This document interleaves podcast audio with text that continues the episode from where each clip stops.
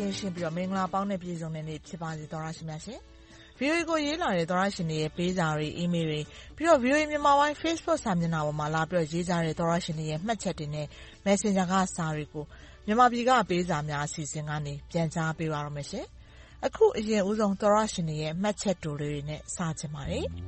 ။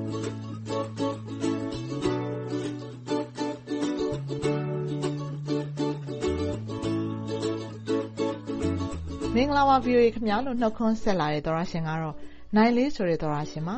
သူက VOA အဖွဲ့သားတွေအားလုံးကျမ်းမာလို့ရှင်လန်းပါစေတဲ့မြန်မာပြည်ကြီးလည်းအမြဲဆုံးငြိမ်းချမ်းပါစေဗျာလို့ဆုတောင်းပေးလာပါတယ်မင်္ဂလာရှိတဲ့ဆုတောင်းလေးမလို့အစီအစဉ်ပထမဦးဆုံးဖော်ပြတဲ့စာမှာသူ့ရဲ့စာကိုထည့်ပေးလိုက်ပါရင်နော်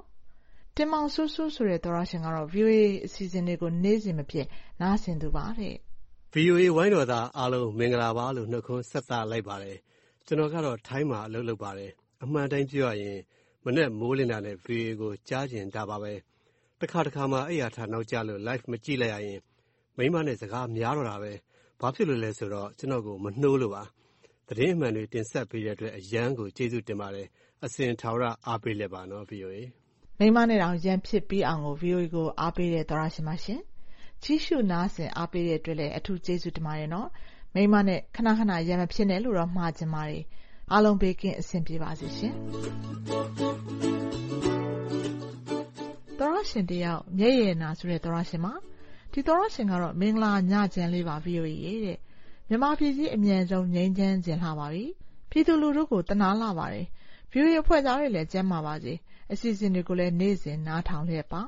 မြန်မာပြည်အမြန်ဆုံးအောင်မြင်ပါစေလို့နေ့စဉ်ဆုတောင်းပေးနေပါတယ်တဲ့ မျက်ရည်နာဆိုတဲ့သောရရှင်ဖြစ်ပါတယ်။အကောင့်မဖော်ပြပါနဲ့လို့ဆိုလာတဲ့သောရရှင်ကတော့မင်္ဂလာပါလို့နှုတ်မဆက်တော့ဘူးဗျာ။မင်္ဂလာမှမရှိတာကိုမင်္ဂလာရှိတဲ့တနေ့ကြမှတဝါကြီးနှုတ်ဆက်ကြတာပေါ့ဗျာ။တကယ်ဆိုကျွန်တော်ကမင်္ဂလာပါလို့နှုတ်ဆက်ရတာအရန်ကြိုက်သူပါ။အခုတော့ VOA ကတင်ဆက်သူတချို့ရဲ့ဆူတောင်းစကားလေးတွေပြင်ပေးပါလားဗျာ။ရင်ထဲကမပါသလိုပဲ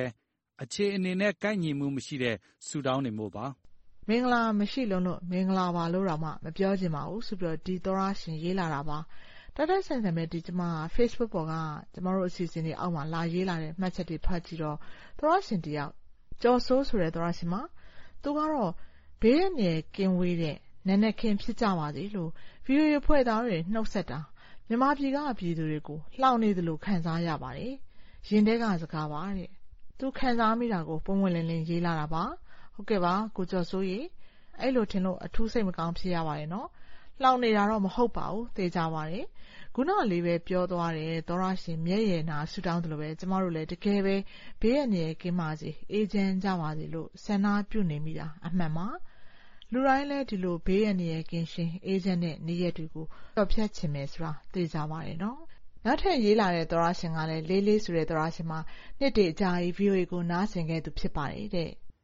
မင်္ဂလာပါ VOA ကျွန်တော် စာရေးမယ် ရေးမယ်နဲ့ အသက်48နှစ် ရှိသွားပါပြီ စာလည်းတစ်ခါမှ မရေးဖြစ်ပါဘူး ကျွန်တော် ညစဉ်ညတိုင်းတော့ နားထောင်ဖြစ်ပါတယ် ကျွန်တော် ဝင်းဖေပါဆိုတဲ့ ခေတ်ကလေးကပါ VOA ကမရေးတန်တာကျော်က သောတာရှင်တွေ စာရေးကြပါအောင်ဆိုလို့ စာရေးလိုက်ပါတယ် VOA ရဲ့ သတင်းမှန်တွေကိုလည်း ဆက်လက် အားပေးနေမှာပါ ကျမ်းမာချမ်းသာကြပါစေ VOA ရေ ဟုတ်ကဲ့ အသက်48နှစ် သောရရှင်စာရေးကြပါအောင်လို့ ပြောရကြတော့နှက်သွားပါပြီနော်စာရေးတာ ကျေးဇူးတင်ပါတယ် ညစဉ်ညတိုင်း နားထောင်ပါတယ်ဆိုလို့လည်း ကျေးဇူးတင်ပါတယ်။နားထောင်တယ်ဆိုလို့ ကျမတို့ ရုပ်မြင်သံကြားသတင်းတွေကိုလည်း တင်ဆက်ပေးနေတာ ကြည့်လို့ရရင် ကြည့်ကြည့်ပါဦးနော်။ဂျိုရုကနေ ဖမ်းယူနားဆင်မှုအဆင်မပြေရင် ဖုန်းကနေပြီးတော့လဲ Facebook တို့ YouTube တို့ ဒီလိုမျိုး လူမှုကွန်ရက်စာမျက်နှာတွေကနေပြီးတော့ ကြည့်လို့ရပါတယ်။ကျမတို့ အဲ့နေရာတွေမှာဓာတ်ရိုက်ရော နောက်ပြီးတော့ မအားရင်လည်း နောက်အားတော့မှ ပြန်ကြည့်လို့ရတာရော တင်ထားပေးပါတယ်။ကျမရွှင်လန်းပါစေကြောင်းလည်း ဆုတောင်းပေးကြပါတယ်ရှင်။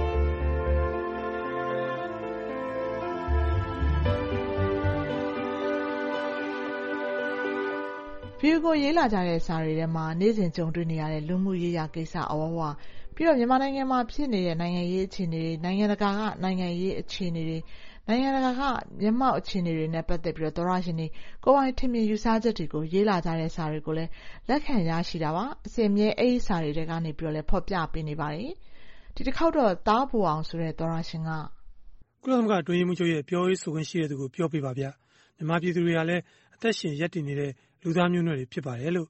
နေ့စဉ်နဲ့အမျှ ညှဉ်းပန်းနှိပ်စက် အသက်ဖြတ်ခံနေရတဲ့ ပြည်သူတွေအပေါ် လူသားချင်းစာနာမှု ရှိတယ်ဆိုရင် ကန့်ကွက်ရှုတ်ချ သတိပေးနေမယ်အစား အမြန်ဆုံး ထိရောက်တဲ့ အကူအညီတွေ ပေးပေးပါလို့ ပြောပေးပါ။ကျေးဇူးပါ VOA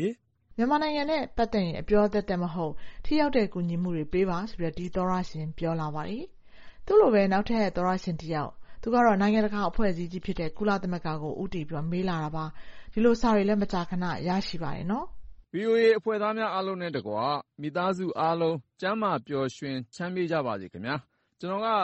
ပညာသိပ်မတတ်တဲ့သူတယောက်မို့လို့ သိချင်တာလေး မေးပါရစေ။အကောင့်အစစ်နဲ့သုံးရင် စစ်တပ်က ဖမ်းဆီးနေတာမို့ အကောင့်အတုနဲ့ပဲ သုံးတာပါ။ကုလသမဂ္ဂကြီးကို မေးချင်တာပါ။မြန်မာနိုင်ငံမှာ အခုလို စစ်တပ်က လူမဆန်စွာနဲ့ ပြည်သူတွေရဲ့ အိုးအိမ်တွေကို ဖျက်ဆီး၊ကလေးသူငယ်တွေ၊ပြည်သူတွေကို သတ်ဖြတ်နေတာ ဘာကြောင့် ထိရောက်တဲ့ အရေးယူမှုတွေ မလုပ်ပေးကြတာပါလဲလို့ အိုးအိမ်မီးရှို့တာတွေက စစ်ဥပဒေကို အတိအကျ ချိုးဖောက်နေတာ သိပါလျက်နဲ့ ကုလသမဂ္ဂကြီးက စိုးရိမ်လိုက် ရှုတ်ချလိုက်နဲ့ မြန်မာပြည်သူတွေ ဘယ်လောက်သေပေးမှ မြန်မာစစ်တပ်ကို စစ်ရေးအရ အရေးယူပေးမှာလဲလို့ မေးပေးပါခင်ဗျာ။ကျေးဇူးတင်ပါတယ်။နိုင်ငံတကာက စိုးရိမ်လိုက် ရှုတ်ချလိုက်လုပ်နေတာ မြန်မာပြည်သူအသက်တွေ အများကြီး ဆုံးရှုံးနေပါပြီဆိုပြီး ဒီသောတရှင် ရေးလာတာ ဖြစ်ပါတယ်။ သူပြောသွားတဲ့စာတွေထဲမှာအိုးအိမ်မီးရှို့တာတွေဆိုလို့အခုတလောပြည်သူတွေကိုလေကြောင်းကတိုက်ခိုက်မှုတွေမီးရှို့မှုတွေဆက်တိုက်ကြားနေရတာဖြစ်ပါတယ်နော်။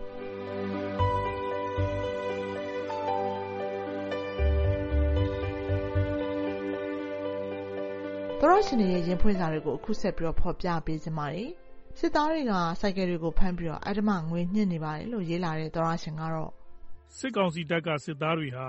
လိုင်စင်မဲ့မော်တော်ဆိုင်ကယ်အပါအဝင် တရားဝင်လိုင်စင်ရှိ မော်တော်ဆိုင်ကယ်တွေကိုပါဖမ်းပြီး အတင်းအဓမ္မ ငွေကြေးတောင်းခံနေပါတယ်။တရားဝင် သွင်းကုန်လိုင်စင်နဲ့ အဝယ်ဘောက်ချာ၊ကညန ထောက်ခံချက် အထောက်အထား အပြည့်အစုံ ရှိနေပေမယ့် တရားဥပဒေမဲ့စွာနဲ့ ငါတို့ဖမ်းရင်ဆုံးပြီ၊ပြန်မရတော့ဘူးဆိုပြီး အတင်းသိမ်းယူနေတယ်။ဘက်ထရီအိုးတွေဖြုတ်၊ဆီတွေထုတ်ရောင်းတယ်။အထောက်အထား အပြည့်အစုံမို့ ပြန်လိုက်ထုတ်ပေမယ့်ဆယ်သိန်းလောက်တန်တဲ့ ဆိုင်ကယ်တွေကို လေးငါးသိန်းတောင်းတယ်။မပေးနိုင်ရင် ဆုံးပြီဆိုပြီး အတင်းအဓမ္မ ငွေတောင်းတယ်။နောက်ပြီး ဖမ်းထားတဲ့ ဘိန်းတွေကို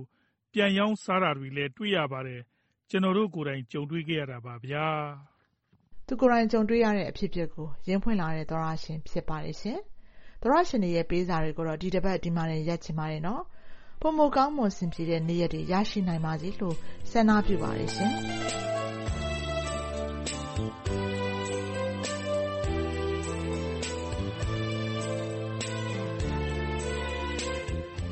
VOA မြန်မာပိုင်းရဲ့ ရုပ်မြင်သံကြားနယ်ရေဒီယိုစီစဉ် တင်ဆက်မှုတွေနဲ့ ပတ်သက်ပြီးတော့ အကြံပေးဝေဖန်ခြင်းနဲ့ပြီးတော့ ကိုယ်တိုင်အတွေ့အကြုံနေရတဲ့ဖြစ်ပျက်တွေ နိုင်ငံရေး အခြေအနေတွေနဲ့ ပတ်သက်ပြီးတော့ ကိုယ်ပိုင်ထင်မြင်ယူဆချက်တွေ ရင်ဖွင့်စာတွေ ရေးစင်ကြတယ်ဆိုရင်တော့ ကျမတို့ VOA ကို စာရေးသားဖို့ ဖိတ်ခေါ်ပါတယ်နော်။ email ကနေ စာရေးမယ်ဆိုရင် bambi@voanews.com ကို မြန်မာပြည်မှပေးစာများ အစီအစဉ်ဆိုပြီးတော့ရေးသားပေးပို့နိုင်ပါတယ်။ Facebook အသုံးပြုတဲ့သူတွေအနေနဲ့လည်း VOA Burmese News ဆိုတဲ့ VOA မြန်မာပိုင်းရဲ့ Facebook စာမျက်နှာကိုသွားပြီးတော့မှတ်ချက်တွေလာပြီးတော့ရေးနိုင်တယ်လို့ VOA မြန်မာပိုင်း Facebook Messenger ကနေပြီးတော့လည်းစာရေးပို့လို့ရပါတယ်။သောရရှင်တွေစီကတုံ့ပြန်အကြံပြုလာမှာတွေကိုစောင့်မျှော်ကြိုးစွနေပါတယ်ရှင်။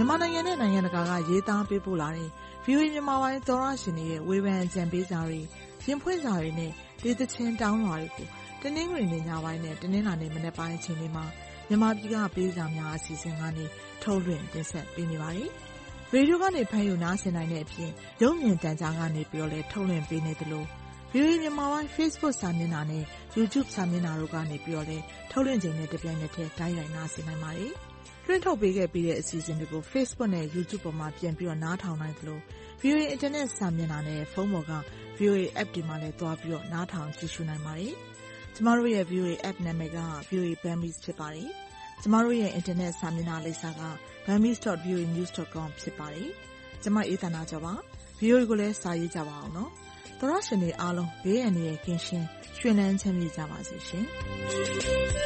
။